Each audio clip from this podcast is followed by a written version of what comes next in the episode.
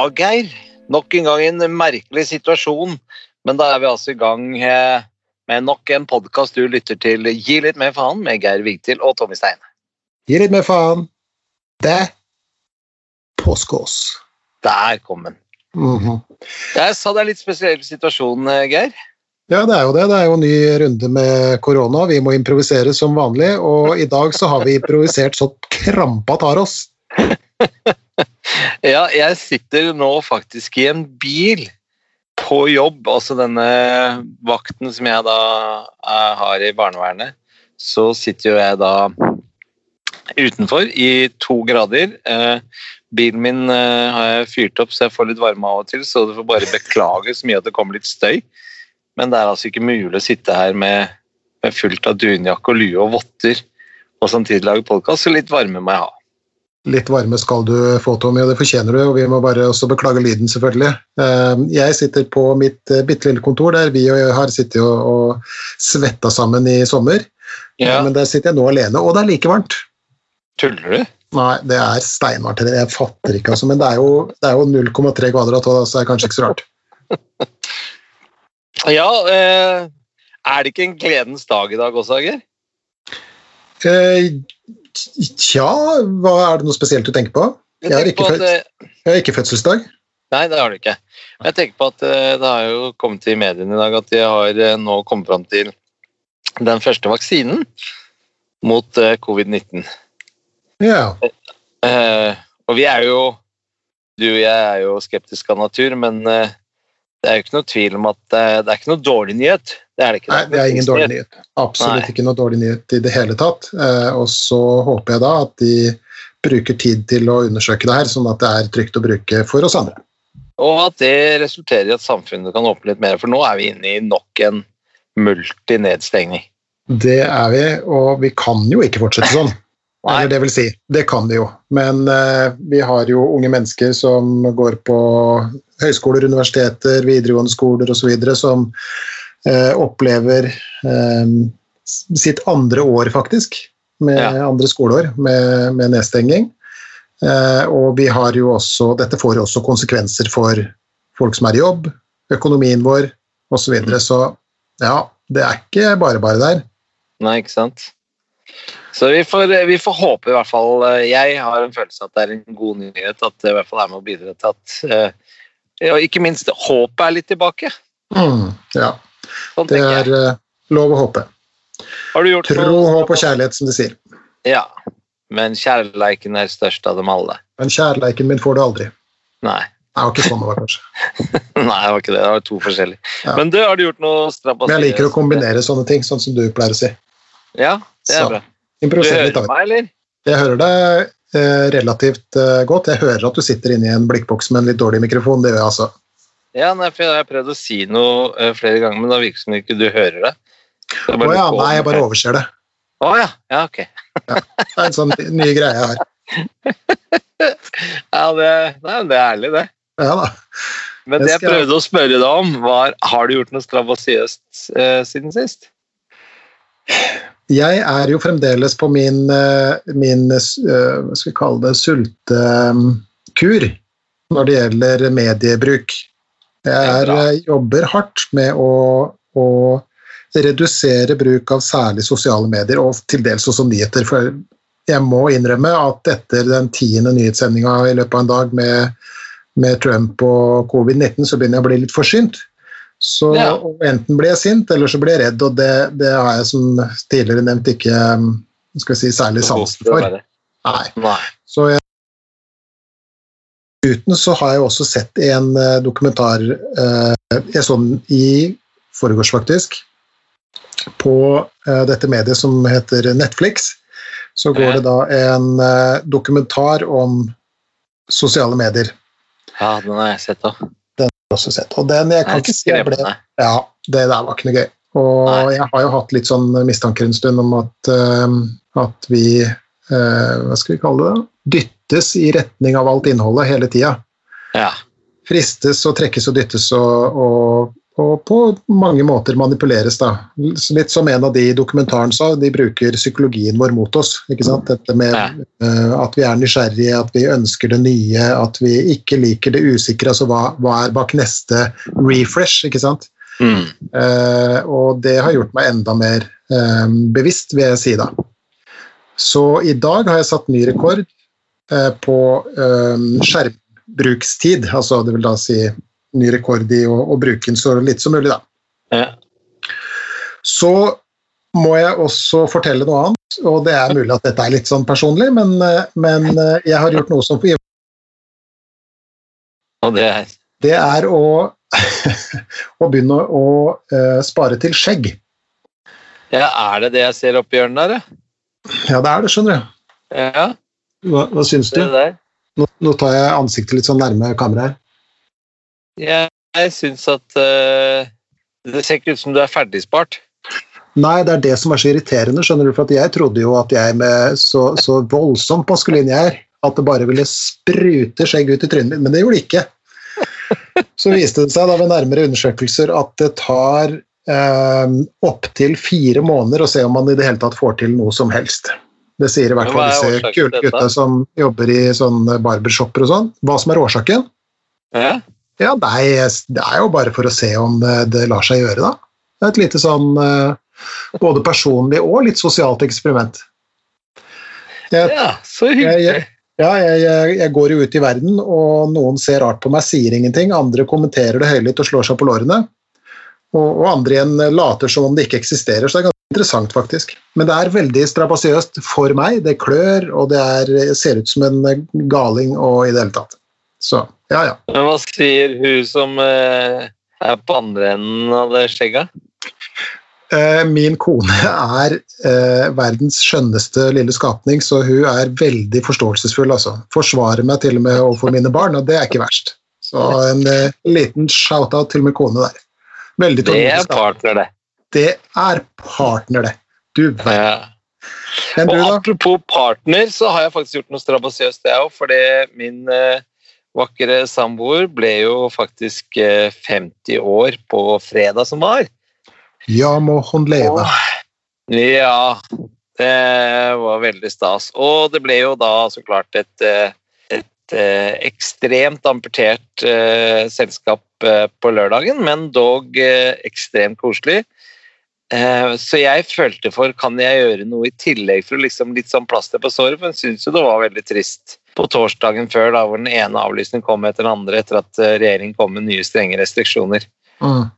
Så det jeg gjorde, var at jeg kombinerte det strabasiøse liv og overraske henne. Jaha. Jeg gikk faktisk eh, Jeg tok kontakt med en del av de vennene som ikke kunne komme på lørdag pga. Eh, smittefare og sånn. Og så spurte jeg hvordan er det stiller dere til å være med ut i skogen i kveld. De fikk liksom tre timers varsel. Nei, fire, da. Og det stilte de seg positivt. Ja, det må vi få til, for folk var jo veldig lei seg på vegne av Linda. da. Mhm. Så jeg fløy opp i skauen med bikkja. Eh, fikk eh, hogd og sagd ned et eh, råttent, eh, fint, tørt tre. Og danderte opp og løp og handla litt eh, pølser og ost og kjeks og litt bobler til fruen og fakler. Og så lyssatte jeg en sti med fakler, da. Og hun visste ikke noe, så bare ba vi henne om å komme eh, opp på parkeringsplassen og gå så og så langt inn i skogen, så ville hun bli møtt av noen. Og da fikk hun full surprise-fest inne i skogen med bål og bobler og ost og kjeks og masse gaver. Du verden. Og, folk lurte jaggu på hva som skjedde, for det var jo andre turgåere i dette skogsområdet. Og der kom vi med Ja, det ene paret hadde med seg en svær kleskurv full av gaver og gassballonger og, og pynta seg til surprise. Og der kommer vi i skauen med fakler og alt. Så det var veldig veldig koselig, strabasiøst og verdt hvert et sekund. Det høres veldig bra ut. Du, du tilbringer en del av dine strabasiøse øyeblikk i, i skogen. Det er et eller annet med det å bare hive budsaga og øksa opp i sekken og ta med meg bikkja og drikke. Eh, og fly inn og finne egne områder hvor jeg kan eh, hvor jeg kan eh, fyre opp et bål Og så gjør jeg det på en veldig eh, gammeldags, tror jeg, men jeg, for jeg har lært meg en spesiell måte å fyre opp bål på, sånn at jeg kan tenne bål uansett vær. Nå er jeg veldig spent som gammel speider, altså, det skal sies. Er det noe Ja. flintstein eh, involvert? Nei da, altså, jeg, har- jeg har med fyrstikker, altså. Det har jeg. Ja, det har du, ok. Så det, det innrømmer jeg. Og, og bensin? Men måten jeg bygger opp bålet på Nei, nei, ikke noe bensin, ikke noe sånt. Og jeg kunne bare kjøpt en eh, sekk med tørr bjørkeved og altså, hivd oppi sekken også. Men eh, jeg finner trær som er, er døde, så klart.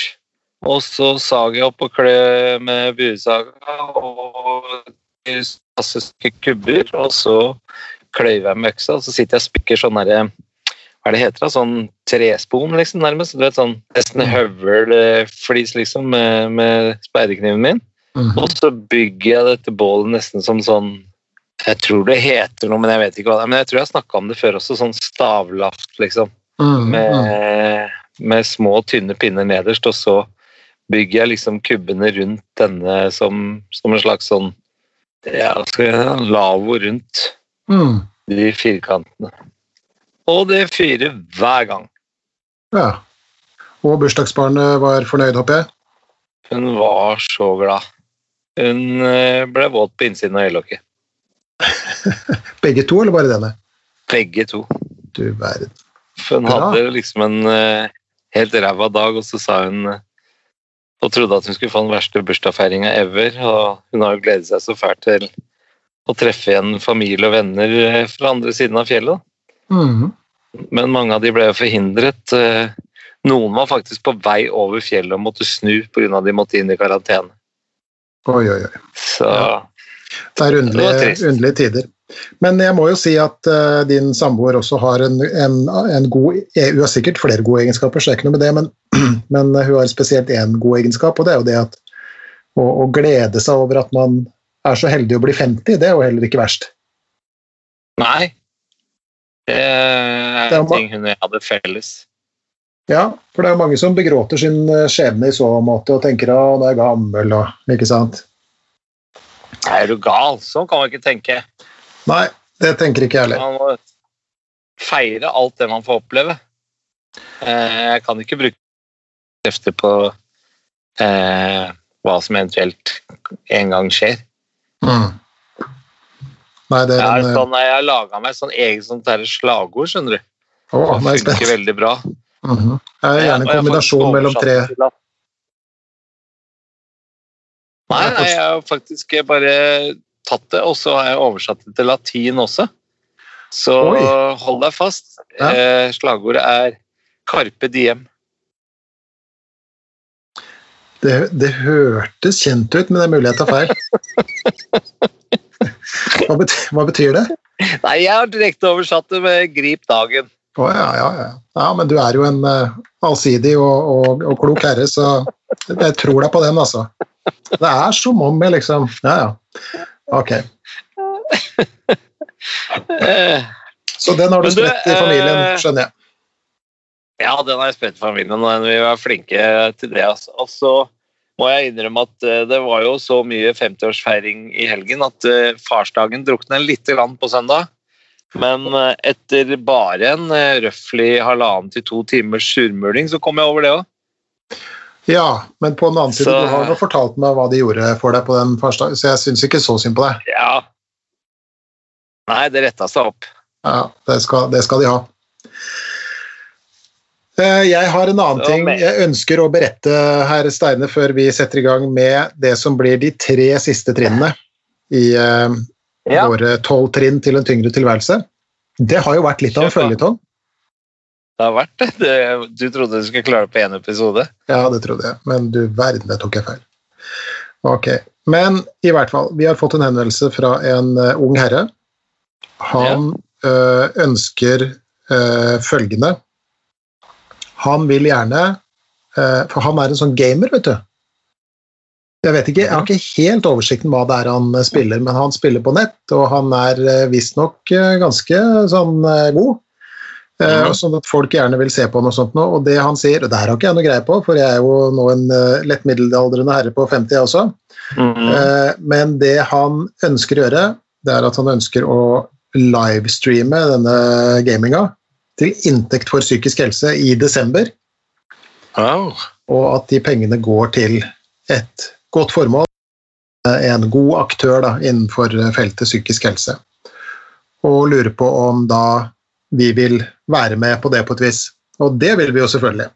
Så en liten eh, ekstra shout-out til Lars Thomas, vår eh, gamer som eh, ønsker å livestreame. Sånn at vi kommer tilbake med detaljer om det. Det syns jeg er veldig, veldig, veldig kult. Ja, det, er, det må være en big shout-out til Lars Thomas. Ja, absolutt. Veldig stor. Ja. Veldig stor. Det er veldig stas. Ja, det syns jeg var veldig eh, bra nyhet, altså. Mm. Det så det skal vi, skal vi, videreformidle og linke til og sånt når den tida kommer. Ja.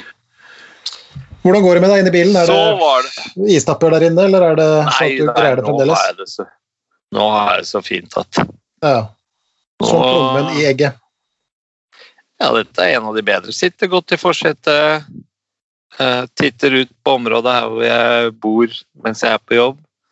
Og, og har en veldig hyggelig kompanjong på øret, så jeg, nei, jeg, noe, jeg skulle like å sett hva som kunne vært bedre enn dette. ja, det høres bra Ok. Skal vi, um, vi skal, rusle videre i dagen? Ja, vi må det. Vi må det. Vi eh, skal prøve. Vi har som ambisjon i dag å klare alle de tre siste trinnene. Mm -hmm. Og vi gjør sånn som vi har gjort, uh, Geir, i de andre episodene også. Jeg leser først uh, uh, selve punktet, og mhm. så kommer jeg med hvordan jeg tolker det, og så kommer du med hvordan du har tenkt det som forfatteren bak det hele. Høres veldig bra ut. Sett i gang. Så her kommer altså trinn ti. Snu døgnet og sørg for lite og uregelmessig søvn. Installer TV på soverommet, og ta eventuelt krangler med partneren din i sengen. Det var uh, bra. Ja. Litt skurring i mikrofonen der, så neste punkt må du holde litt lenger unna. Ok. Det var mikrofonen for nærme? Ja, jeg tror det. Ah, så bra. Du fikk sånn derre sånn skurring. Å oh, ja. Skjønner. Men, men, samme det. Det var punkt ti. Men du hørte meg, eller? Jeg hørte deg. Som ja. bare gjør Ja, men det, tror, og du tror lytterne hørte det godt da? Ja, det tror jeg. Ja. Men da skal jeg prøve å ikke ha mikrofonen sånn nå når jeg skal ta min tolkning av det. Mm. Eh, fordi her så, her så kommer jo eh, ting som vi har snakket om veldig mange ganger før. Eh, og dette er jo en av de tingene som, som jeg også jobber med her jeg jobber nå. Og det er eh, hvis det er kaos oppi hodet ditt, så sørg i hvert fall for i størst mulig grad å få orden utenfor hodet ditt. Mm. Og en av de tingene som du lærte meg veldig tidlig, det var at jeg må ha, uh, være knallhard på å ha rutiner. Og det å ha regelmessig riktig søvn er veldig viktig. Mm. Og her sier du snu døgnet og sørg for lite og uregelmessig søvn. Dette her er jo en antitese fra deg, så du mener, sånn jeg tolker det, at det skal man ikke gjøre. Få nok søvn og kvalitetssøvn. TV på soverommet er en uting. Det skal ikke være TV på soverom. På soverom så skal du kun sove og, og det andre. Og våkne. Ja, det var det jeg tenkte på. Ja. Eh, og det å ta krangler med partneren i sengen, det er fryktelig dumt at det skal være det siste som skjer før du avslutter eh, denne dagen. Eh, da kan du neste, neste morgen, så om ikke du gjør det, så sørger partneren din for å ta opp igjen tråden. Og det blir sånn antagelig en dårlig natt. Ja, jeg sover ikke noe godt når jeg har vært uh, i disputt med min kjære. Nei, nei ikke jeg heller. Da sover jeg veldig dårlig. Ok, ja. Så prøver, sånn er det jeg tolker det. Sånn tolker du det. Men du, mm. kan jeg da få spørre deg før vi også setter i gang med, med hva skal vi si, våre diskusjoner rundt det her. Så jeg kunne få mm. spørre deg, altså den, den, eh, den, perioden du var gjennom da for, noen, for et par år siden nå, um, hvordan var den sånn eh, med tanke på, på søvn osv.? Og, og Jo, om, no, om noe, hva gjorde du for å liksom bryte det her og komme deg ut av det? Ja, for det er faktisk ganske interessant at du spør. For det, det jeg gjorde, var jo at jeg hadde det jo en stund så heftig. Eh, følte jeg, og ikke bare følte jeg, jeg ikke bare tenkte, men jeg følte også, så det er helt sant, så det er veldig riktig bruk av ordet. Eh, det er så jævlig at jeg gikk faktisk til legen min, eller til anbefaling på legen min, så tok jeg sånn, er det innsovningstabletter det heter? Sånn mm. Imovane. Mm. Ja, sånn at eh, da fikk jeg i hvert fall sove fire timer. Ja. Men jeg hadde gjort det i seks-sju ca. en uke. Så husker jeg at eh, min kloke samboer, for det er hun virkelig, sa det at eh, nå har du gjort det en uke allerede, Tommy, du kommer du er i ferd med å bli avhengig av det, du. Og da var jeg sånn nei, hei. Eh, og den, jo, det er du. Og da gikk det en faen i meg. Så kutta jeg det ut den dagen, og jeg ikke brukt det siden. Og derfor så eh, Det var jo den neste påfølgende dagen var det jo vanskelig plutselig å skulle eh, bryte den rutinen, men jeg trente også på eh, ikke ha mobiltelefonen på nattbordet, så det var det siste jeg gjorde før jeg sovna. Ikke se på TV var det siste før jeg sovna, men rett og slett tålte ubehaget med å ligge i senga en eh, halvtime, time, som det tok i begynnelsen, før jeg sovnet. Mm. Hvor lang tid tok det da før du hadde begynt å komme litt sånn på track igjen? For å bruke et Ja, godt norsk ord. Under en uke. Sier du det, ja? Du Mm. verden. Og så fant jeg ut en genial greie til også, og det var at eh, selv om jeg sovnet eh, For jeg kunne ligge våken til ett-to, og noen ganger tre, den, eh, de første dagene, så sa jeg også til eh, Linda at du må, du må vekke meg når du skal stå opp og gå på jobb. Hun står jo opp klokka halv syv. Mm. Så jeg tvang meg sjøl opp. Og etter et par dager på den måten, så blei jeg jo trøtt. Jeg var Ja, det høres jo-. Det høres jo veldig lurt ut. Hva, hva, er det som gjorde at du var eh, klok nok til å gjøre det på den måten? Altså, hadde du hørt noe om det tidligere, eller åssen var det? Nei, det var faktisk eh, Nei, det tror jeg ikke jeg har hørt noe sted. Jeg bare tenkte at eh, jeg må komme dit hen at jeg er stuptrøtt mye tidligere på kvelden. Mhm. Eh, og da var målet mitt at jeg skulle Fordi Linda er jo sånn som er oppe klokken halv syv hvis vi setter oss opp og skal se på noen TV-serier og sånt nå. Mhm. Så når klokka er ti, kvart over ti, halv elleve, så, så sovner jo hun. Ja. Jeg tenkte at eh, ok, det må jeg gjøre også, for hvis jeg får sovne før klokka tolv, var egentlig målet mitt, da. Mm. Så vil jeg komme inn i en rutine.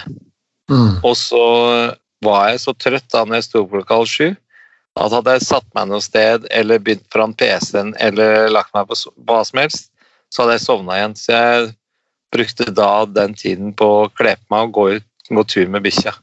Mm. Og så, når la du det da, husker du det? Hva sa du? Når var det du da pleide å legge deg? Ja, da pleide ble det faktisk sånn at vi ble sånn ti, halv elleve, elleve.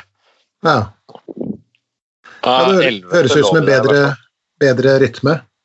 Ja, absolutt. Jeg Men måtte hva- gjøre det for å være trøtt. Ja, ja. Men var det sånn at eh, Var det her sånn at det ordna seg ganske sånn umiddelbart, eller, eller brukte du litt tid? Den der litt sånn fæle perioden?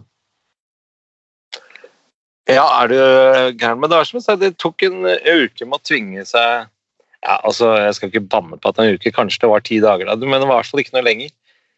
Eh, og så tvang jeg meg opp om morgenen, og tvang meg opp om morgenen, og tvang meg opp om morgenen, og ut på tur.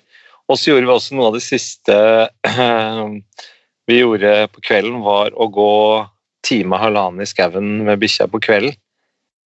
Med hodelykt og sånn, sånn at uh, når jeg kom tilbake og var kjempesliten og svett, så tok jeg en dusj, og da blir du stegen. Mm. Mm.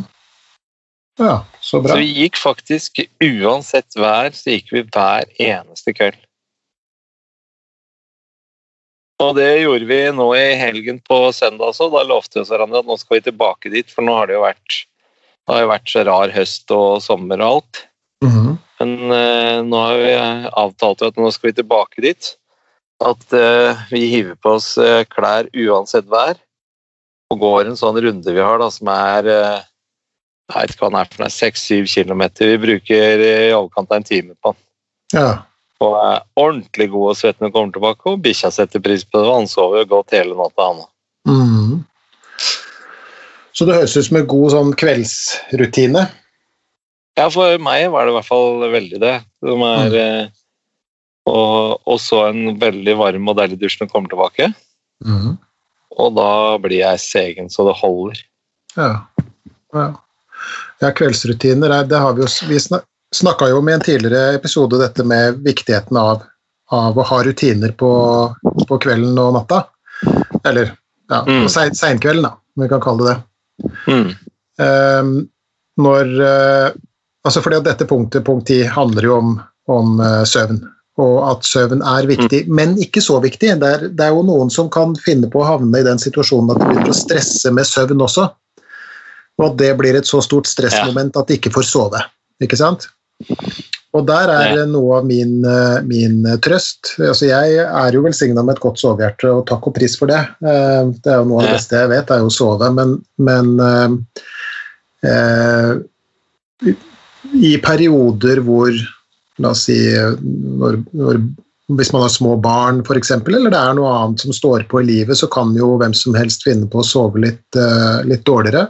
Kanskje det er noe stress på jobben, ikke sant? eller en, en konflikt i familien, eller alle disse tingene som vi mennesker kan, kan gå rundt og, og slitte med og plages av. Da.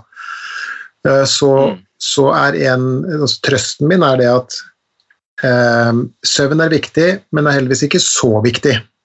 Ikke sant? Den, er ikke, den er ikke kritisk, og i hvert fall ikke hvis vi får noen timers eh, søvn på natta, og særlig i eh, sånn eh, hva skal vi si da, mellom fire og seks et sted, når den her ordentlig sånn dype søvnen foregår, så klarer vi oss ganske bra i, i, i lange perioder.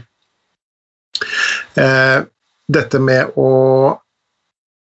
Altså når man begynner å plages med et eller annet, da, stort eller lite, så er det ofte en av de tingene som, som eh, jeg og mine kolleger ser, er jo at eh, det begynner å bli problemer med søvnen. Og det begynner å bli, bli problemer med det å ha gode rutiner, fordi at man får ikke sove, og så begynner man nettopp å snu døgnet. Mm. Eh, og da er det ofte Netflix og, og den type ting som eh, lokker istedenfor. For hva, hva ellers skal man da gjøre? Og så blir man jo stimulert av det. ikke sant? Hvis man ser en eh, spennende film og man får det der blå TV-lyset rett i fleisen, så blir det enda eh, verre å få, få sove. Så når folk eh, plages, så er det én av tre ting eh, jeg og mine kolleger eh, spør om er på plass eller fungerer sånn noenlunde det er dette med, med søvn. De to andre er eh, mat og, og aktivitet. Mm. Fysisk aktivitet. Og her har du jo dekka både søvn og, og fysisk aktivitet, for at du sier at, du, at søvnen ble bedre av fysisk aktivitet også. Ja, uten tvil. Så det å snu Ja. Og så var det en ting til som var viktig når du sier at søvn ikke er så viktig. Mhm. Og det var også at jeg eh, at jeg lå der i senga, og når jeg ikke fikk sove de første dagene, så tenkte jeg også veldig mye på at eh, eh, Jeg tenkte ikke sånn Nå må jeg sove, nå må jeg sove, å, nå er klokka to, å, nå må jeg få sove, nå må jeg få sove. Mhm. Men jeg bare tenkte sånn Det er eh, Bare ta det med ro, Tommy. Du sovner til slutt. Mhm. La Ja, søvnen komme sånn- når den vil. støttende ting å si til seg sjøl, da. For det er jo ofte det som, eh, som skjer med oss når vi Altså, vi har jo snakka mye om disse onde sirklene før. Eh, og dette Mm. å Nå må du ta den mikrofonen litt lenger bort, for da er det mye pusting her. Ja, det er fordi det begynner å bli varmt her, så jeg puster mer òg. For det blir dårlig med oksygen der inne. Ja. Det er det Neida. største. Jeg må ha den litt nærme eh, pustegrepet. Ja, ja. Ok. Um, jo, vi har snakka mye om onde sirkler og sånn liksom selvforsterkende onde sirkler før. Og, og en ja. av de gjør seg jammen meg gjeldende når det kommer til søvn, altså. Uh, for det er nettopp ja. det der med det, det, du sier med at så er det mange som forteller, hvis de plages med søvn, da, så er det sånn uh, ja, Du husker jo en av de uh, Det er faktisk det første trinnet som handler om når du våkner opp om morgenen, så kjenn straks etter hvordan du innerst inne har det i dag, står det jo, ikke sant? Eh, og det gjør seg, vel, gjør seg, veldig gjeldende også når det eh, kommer til søvn. Da. Fordi at eh, en som plages med søvnen, vil, når vedkommende våkner, straks kjenne etter, prøve å monitorere og finne ut av hvor trøtt vedkommende er. Ikke sant? Ja. Hvor, hvor, trøtt er jeg nå pga. at jeg har sovet så dårlig? Og vi våkner jo som kjent sengeliggende, og uansett om vi har sovet mye eller sovet lite, eller til og med sovet akkurat passe, så føler vi oss eh, ofte veldig trøtte. Og ikke, det er ikke før vi har kommet i gang og kommet oss ned på kjøkkenet og, og ja, kanskje tatt en kopp te og, og, begynt å røre litt på kroppen og sånt nå, at det her begynner å komme seg. da. Men, men man foretar da en, en, vurdering av hvor prega man er av denne presumptive søvnmangelen. Og så går man rundt mm. gjennom dagen og, og tenker 'Å, herregud, så trøtt jeg er'. Eh, dette har liksom virkelig konsekvenser for fungeringa mi. Jeg kjenner jo at jeg er litt sånn ukonsentrert og, og, sånt noe, ikke sant. Og så begynner man å nærme seg kvelden, mm. og, så, og, så, kommer tanken om nå er det viktig at jeg får sove. Nå må jeg få sove. ikke sant? Og det er jo litt mm. som sånn ikke tenk på en isbjørn Det er litt sånn paradoksal tenking ja. her òg, ikke sant? Hvis det er så om å gjøre å få til noe, så får vi det ofte ikke til. Og så blir det liggende der med Donald-øyne til klokka tre om natta. Og så sovner vi da. Og så våkner vi igjen og så 'Herregud, jeg er så trøtt'. Og så er vi i gang. Ikke sant. Det er denne sirkelen. Det er den sirkelen. Men jeg hadde, hadde en eh, greie til, jeg vet ikke om det var du som fortalte meg eller hvem som fortalte det. Spiller for så vidt ingen rolle, for det funket i hvert fall. Og det var at jeg hadde en sånn tankebok på nattbordet. Jaha. Fortell meg. Eh, så eh, hm? Fortell om det. Nei, jeg eh, fant ut at det som fungerte veldig bra for meg, og det vet jeg er jeg tipsa andre om også, så jeg vet det har fungert for flere, og det var at eh, når det begynte å spinne med tanker opp i hodet, så skrev jeg det ned i den boka, hva jeg tenkte. Mm -hmm. Og eh, jeg veit ikke om det er eh, om det er noen forklaring på det, eh, eller om eh, jeg bare innbilte meg at det fungerte, men i hvert fall akkurat sånn tankene på en måte flytta fra hodet mitt og over på boka. Og mye av det jeg tenkte, var faktisk litt mindre skremmende når jeg så det skriftlig også. Mm. For det var akkurat som da, da jeg plasserte det, istedenfor at jeg drev og malte opp i hodet mitt ja, hvor skal jeg plassere det. Men jeg må ikke glemme det, jeg må huske det, jeg må eh, tenke hvis det skjer, og da må jeg huske å si det. Masse sånn banale, tåpelige ting mm. som jeg tenkte. Og så skrev jeg det ned i tankeboka mi på nattbordet. Så slapp liksom Da var jeg ikke Det var akkurat som hodet mitt slapp av med den tanken. Mm. Det der er jo et uh, gammelt og velprøvd uh, triks, og det, det, har jo Ja, det er det? Ja, det, det er det, og, og det, det, rimer jo veldig godt med det vi har snakka om i de tidligere trinnene her, også dette med forskjellen på bekymring og forberedelse skråstrek planlegging, ja, og sant. grubling Eh, versus problemløsning, da. Ja. Fordi, at, fordi at en ting er å ligge og surre med ting i, i, i, hodet, men det å bestemme seg for å skrive det ned gjør jo én at tankene på en måte misforstå meg rett, står litt stille. da, For du får liksom festa dem til papiret som sånne sommerfugler med litt sånn knappenåler eller et eller annet sånt. Eh, sånn, at, sånn, at, det ikke kan liksom flagre rundt inni hodet ditt, for de står på papiret. Det er én ting. Eh, og det andre er at eh, når du først har bestemt deg for at det må jeg huske i morgen, dette skal jeg ta opp med la oss si, psykologen min, da, eh, så er det jo strengt tatt ikke mer å tenke på. Nei. Da kan du la det ligge. Det er sånn jeg opplevde Ja, det var sånn mm. jeg opplevde Ja, det er et veldig Noe, godt uh, råd. Ja. Jeg har hatt så, en eh, er i hvert fall Ja. Nei, jeg skulle bare for, Det var en innskutt bisetning. Det er litt ja, vanskelig å prate med deg når jeg ikke ser fleisen din. Eh, Jeg ser bare et bilde av en ung Tommy med lue, nemlig. Så, Ja. så det, det forklarer den, litt sånn stotrende stilen her. Men jeg skulle bare fortelle deg som en, i en innskutt bisetning eh, en, en variant eh, som jeg også hadde. For jeg hadde nemlig også en periode en blokk liggende på skrivebordet med en penn eller blyant eller hva det var for noe. Og Ja. årsaken til det var at ehm, ja, det hender jo at jeg skriver på ting og, og holder på med andre prosjekter, og så har jeg mye ideer og sånt som der. er. Og så var det altså da en periode hvor det var liksom rett før jeg sovna. Da fikk jeg altså de mest geniale tankene, og jeg så sammenhenger jeg ikke hadde sett før, og jeg kom på formuleringer som liksom var så gnistrende at jeg nesten så nobelprisen flagre forbi i halvmørket. Så jeg skrev det ned, ikke sant, på denne blokka. da. Ja. Og Så du ikke skulle glemme det? Ja, ikke sant? For det her var jo, det her var jo store hemmeligheter fra, fra, fra sfærene der oppe. Men da jeg våkna dagen etter og leste det jeg hadde skrevet, så var det jo bare vrøvl. Skulle tro jeg hadde skrevet det i stupfylla, vet du. Det var bare tøys. Så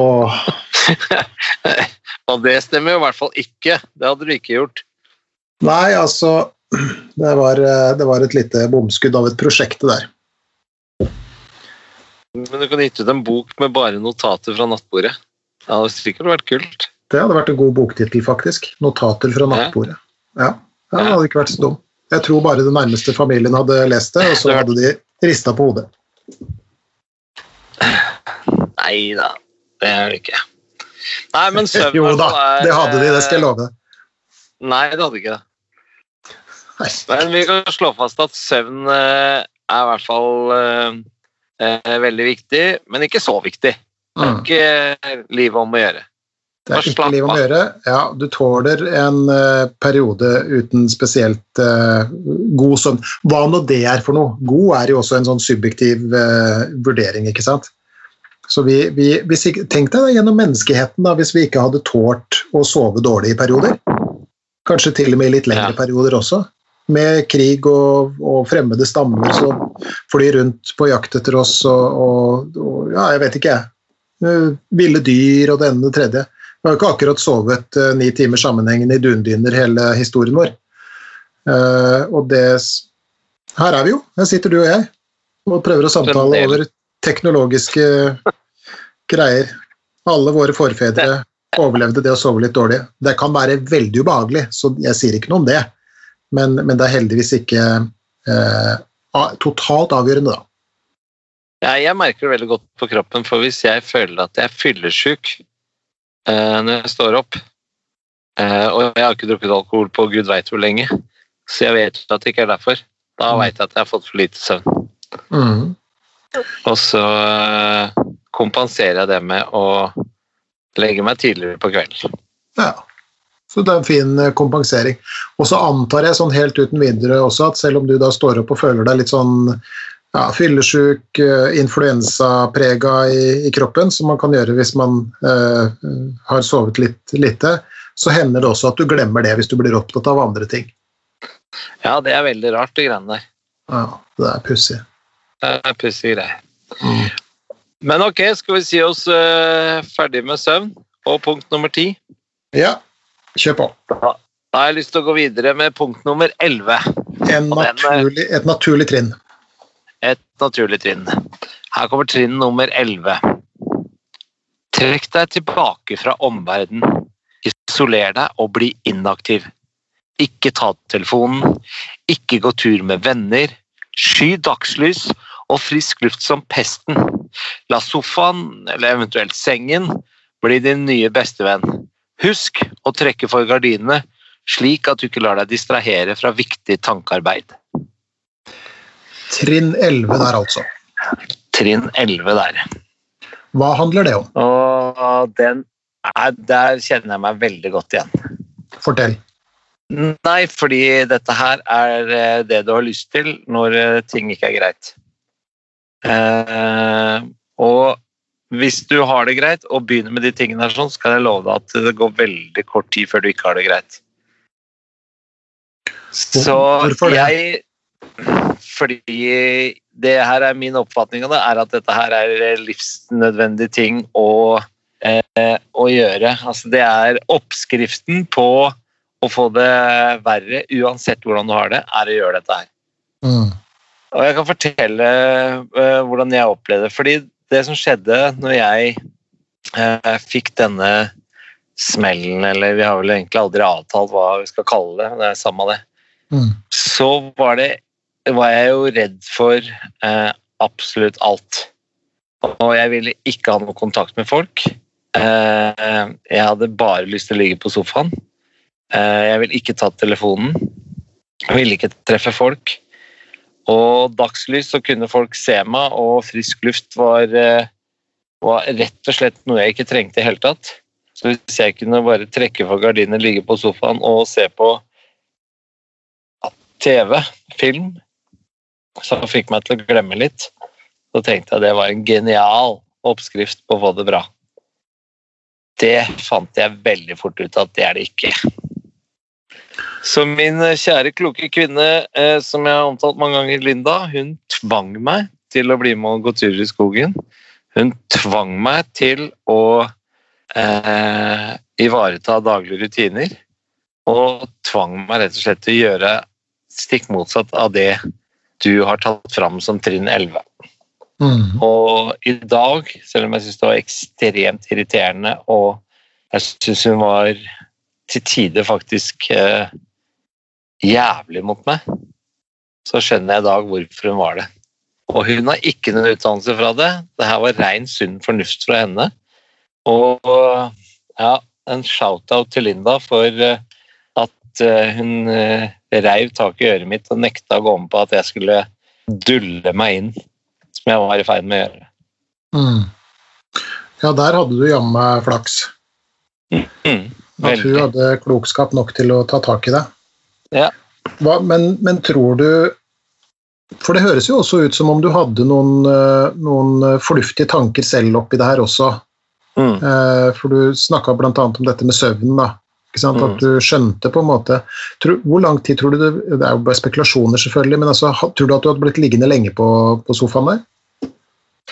Nei, jeg tror ikke jeg hadde blitt liggende så lenge fordi at eh, Ja, det er både fordeler og ulemper med det, men jeg har en eller annen sånn gra, rar greie i, i kroppen min som, som ønsker å finne ut av ting. Eh, så hvis ikke jeg klarer å løse et problem, så er jeg veldig eh, nesten over ivrig til å finne eh, løsning på ting. Og det var sånn jeg fant fram til deg og boken din også. Med det brennende ønsket om at jeg måtte prøve nye ting hele tiden. For jeg ville jo ikke gå på medisiner, og jeg ville ikke eh, ha det sånn som jeg hadde det. Så, men eh, hadde det ikke vært for Linda, så hadde jeg nok blitt liggende lenger på sofaen. Og da tror jeg også veien til, tilbake, for å kalle det det i anførselstegn, hadde vært tyngre og lengre også. Mm. Mm. Bra. Ja, det, og det tenker jeg du, du eh, har helt rett i. Det her er jo også, eh, Dette trinnet handler jo også om eh, denne såkalte grunnmuren, da, som består av mat, aktivitet og, og søvn. Og dette er jo mangelen på eh, aktivitet, på en måte. Altså, spesielt eh, hvis man opplever å være veldig nedfor, eller til og med over i det som vi kan kalle depresjon.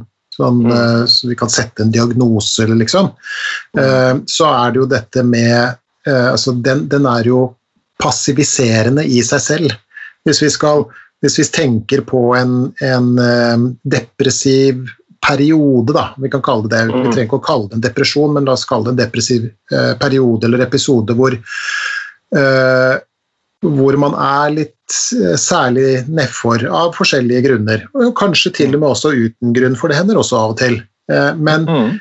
men hvis, man skal, hvis man skal se på denne litt sånn eh, depressive tilstanden som en slags sånn figur, en person som bor inni oss, på en måte, så er det jo ingenting den heller vil enn at vi skal bli nettopp eh, inaktive. At vi skal trekke, fra, trekke for gardinene og at vi skal legge oss i senga.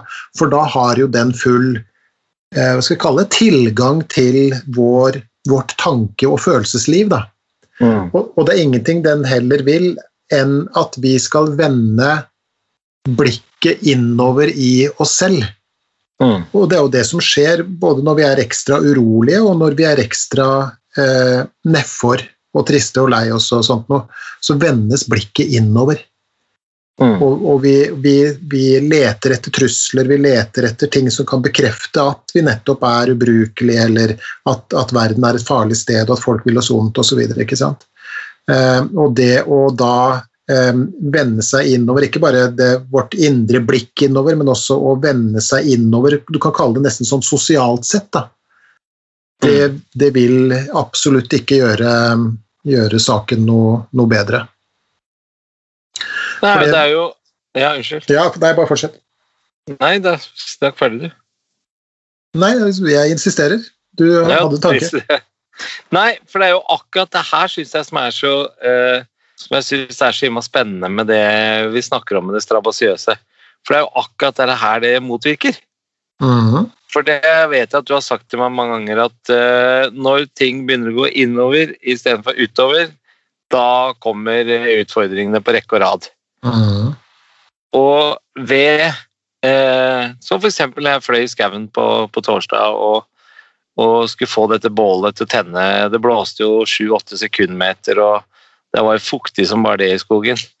Så jeg hadde ikke, jeg hadde ikke tanke på noen ting annet. Jeg bare var der, svetta som en gris med fanneskjerm med buesag aleine. Det blir du sliten av, altså. Mm. Eh, og det er jo det er jo helt utrolig det å komme seg ut. Eh, og det jeg begynte jo med det. Linda tvang meg jo først til å gå en runde rundt kvartalet der vi bor. Og det tar jo ti minutter kvarter. Eh, så hadde jeg det som mål, så jeg begynte med det. Men allerede etter ja, uke, to uker eller noe sånt, så ville jeg jo utvide, for jeg kjente jo Jeg syntes det var dritfælt å gå ut. Jeg syntes det var dritkjipt å gå. Men den følelsen jeg kom tilbake igjen, var at jeg plutselig hadde fått et pusterom. Mm. Mm.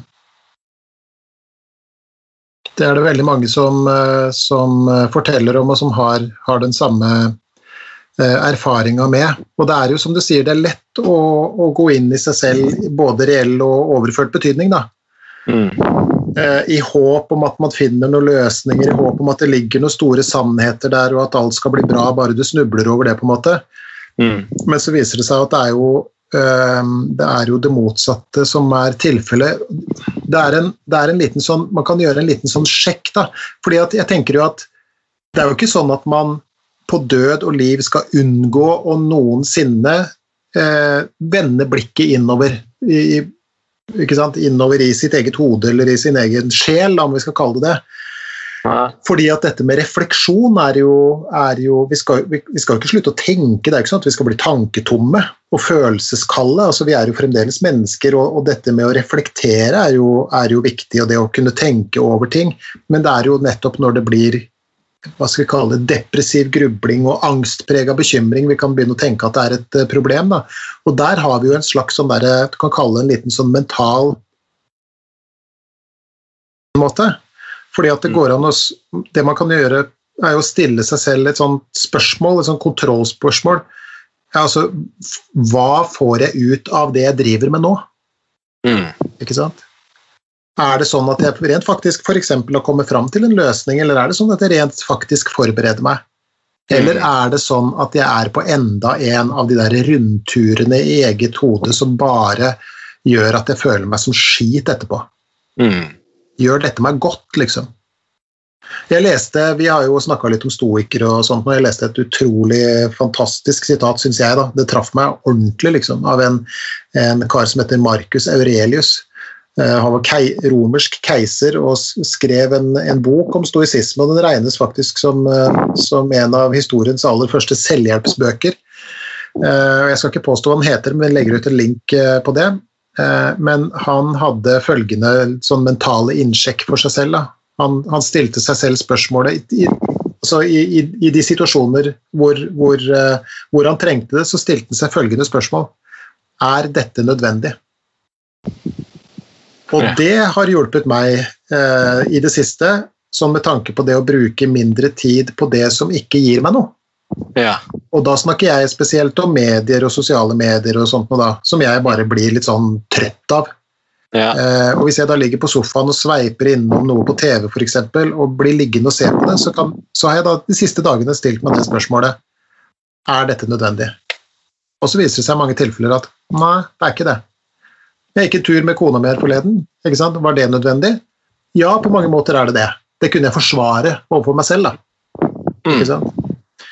Men, men, eh, men dette med å, å, å Hva skal vi si Det er lett å Når man jobber med disse tingene, da, så, som vi har snakka om gjennom hele denne eh, podkastserien eh, nå, nå puster du i mikrofonen din. Eh, gjennom hele podkastserien og gjennom alle de tolv trinnene, eh, Mm. så handler det jo om å forsøke å finne måter å leve livet sitt på, og måter å unngå å legge så veldig mye sten til byrden. Livet er vanskelig nok fra før, ikke sant? om vi ikke skal på en måte gjøre det litt sånn eh, enda eh, verre sjøl, da. Og, og det da å da, da vil det være lett å kunne havne på en måte i motsatt grøft og tenke at ja, men da må jeg ikke føle, og da må jeg ikke tenke, og da må liksom alt vekk, og jeg må aldri, aldri vende meg innover, på en måte. Men, men det, det store skillet går mellom om dette faktisk er meg til nytte, ikke sant? og det å kunne reflektere over ting, selv barndommen eller selv forholdet til andre eller, eller sånne ting, det er jo Det kan jo gi oss noe, men det er hvis Ja. vi befinner oss i den samme refleksjonen igjen og igjen og igjen og igjen, og alt den utløser er hva skal vi kalle det, da, vonde emosjonelle reaksjoner, liksom, så kan man jo begynne å tenke at hei, vent nå litt, nå har jeg tenkt på det her nok, det holder nå. Så får jeg heller bare finne på noe annet. Ikke Jeg er veldig enig i det, altså. Du, nå har jeg en eh, utfordring, eh, Geir, fordi jeg er jo på vakt. Ja. Eh, og nå har jeg fått beskjed om at eh, jeg må eh, være klar om fem minutter.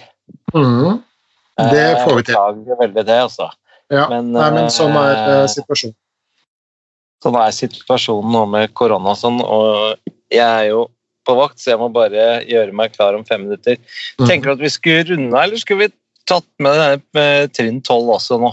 La oss ta et siste steg opp til trinn tolv. Det er et, eh, et lite deilig sånn hinketrinn som vi kan, Ja. eh, kan oppsummere ganske raskt, og så skal du få løpe inn og gjøre den jobben du er satt til å gjøre.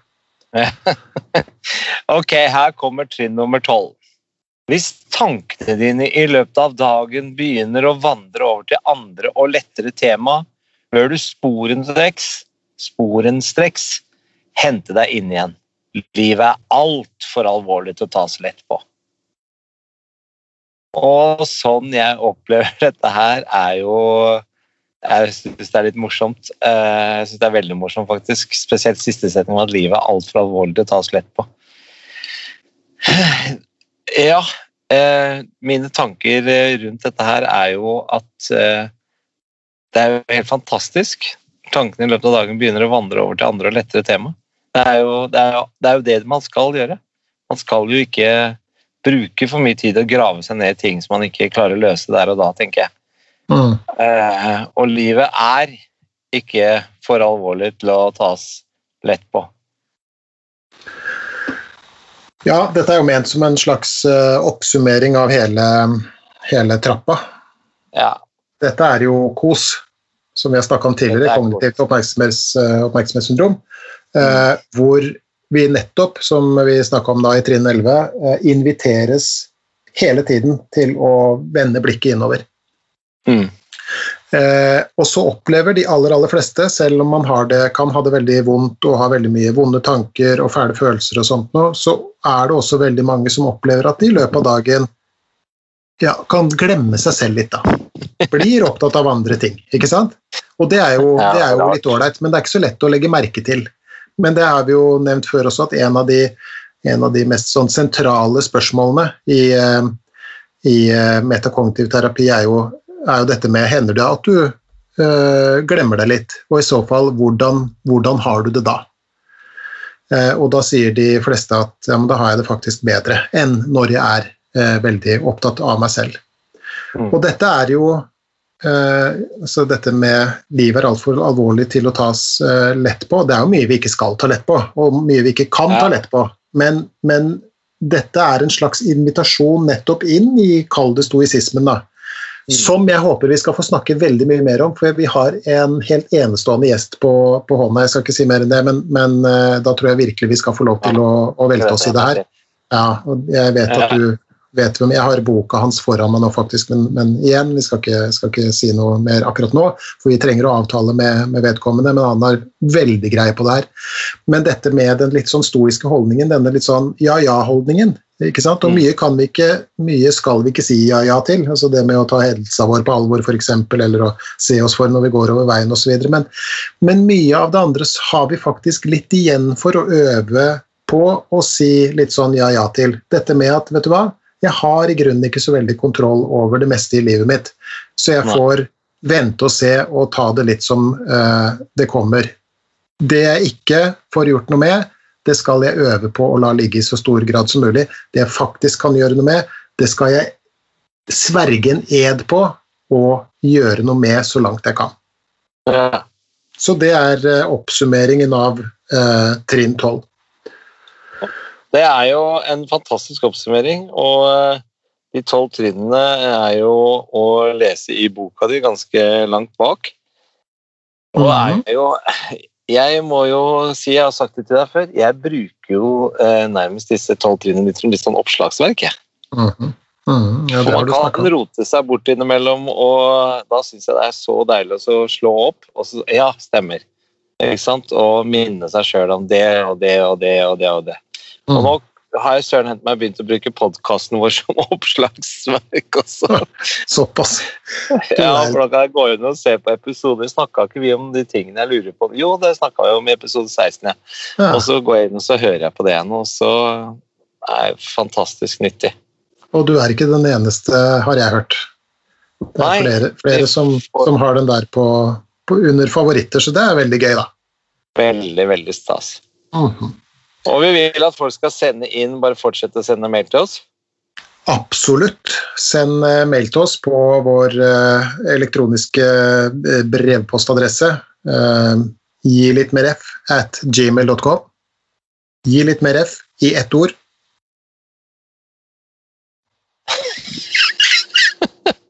Punktum! Kom!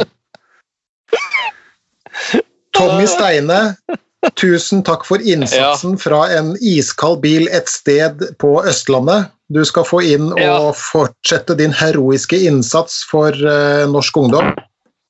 Det skal jeg prøve å gjøre, og beklager at det ble sånn, men uh, det, jeg syns dette var bedre enn at vi ikke kom med noen episode i hele tatt. ja, det skal sies. Så, så neste episode vil bli bedre lyd, og, og, for vi har noen triks på lager selv i disse er koronatider.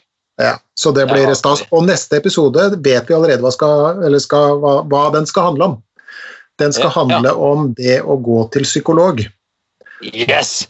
Hva det er for noe, hvordan det er, hvordan man finner en psykolog, hva man bør tenke på i den forbindelse, hva, hva terapeuter tenker på når de sitter der med Det her blir gøy, altså. Og interessant. Og lærerikt. Og nyttig. Jeg gleder meg allerede. Det gjør jeg også. God vakt, som vi sier i helsevesenet. Ha en deilig uke. Jo, i like måte. Uh -huh. Så snakkes vi plutselig. Det gjør vi. Ha det. Ha det.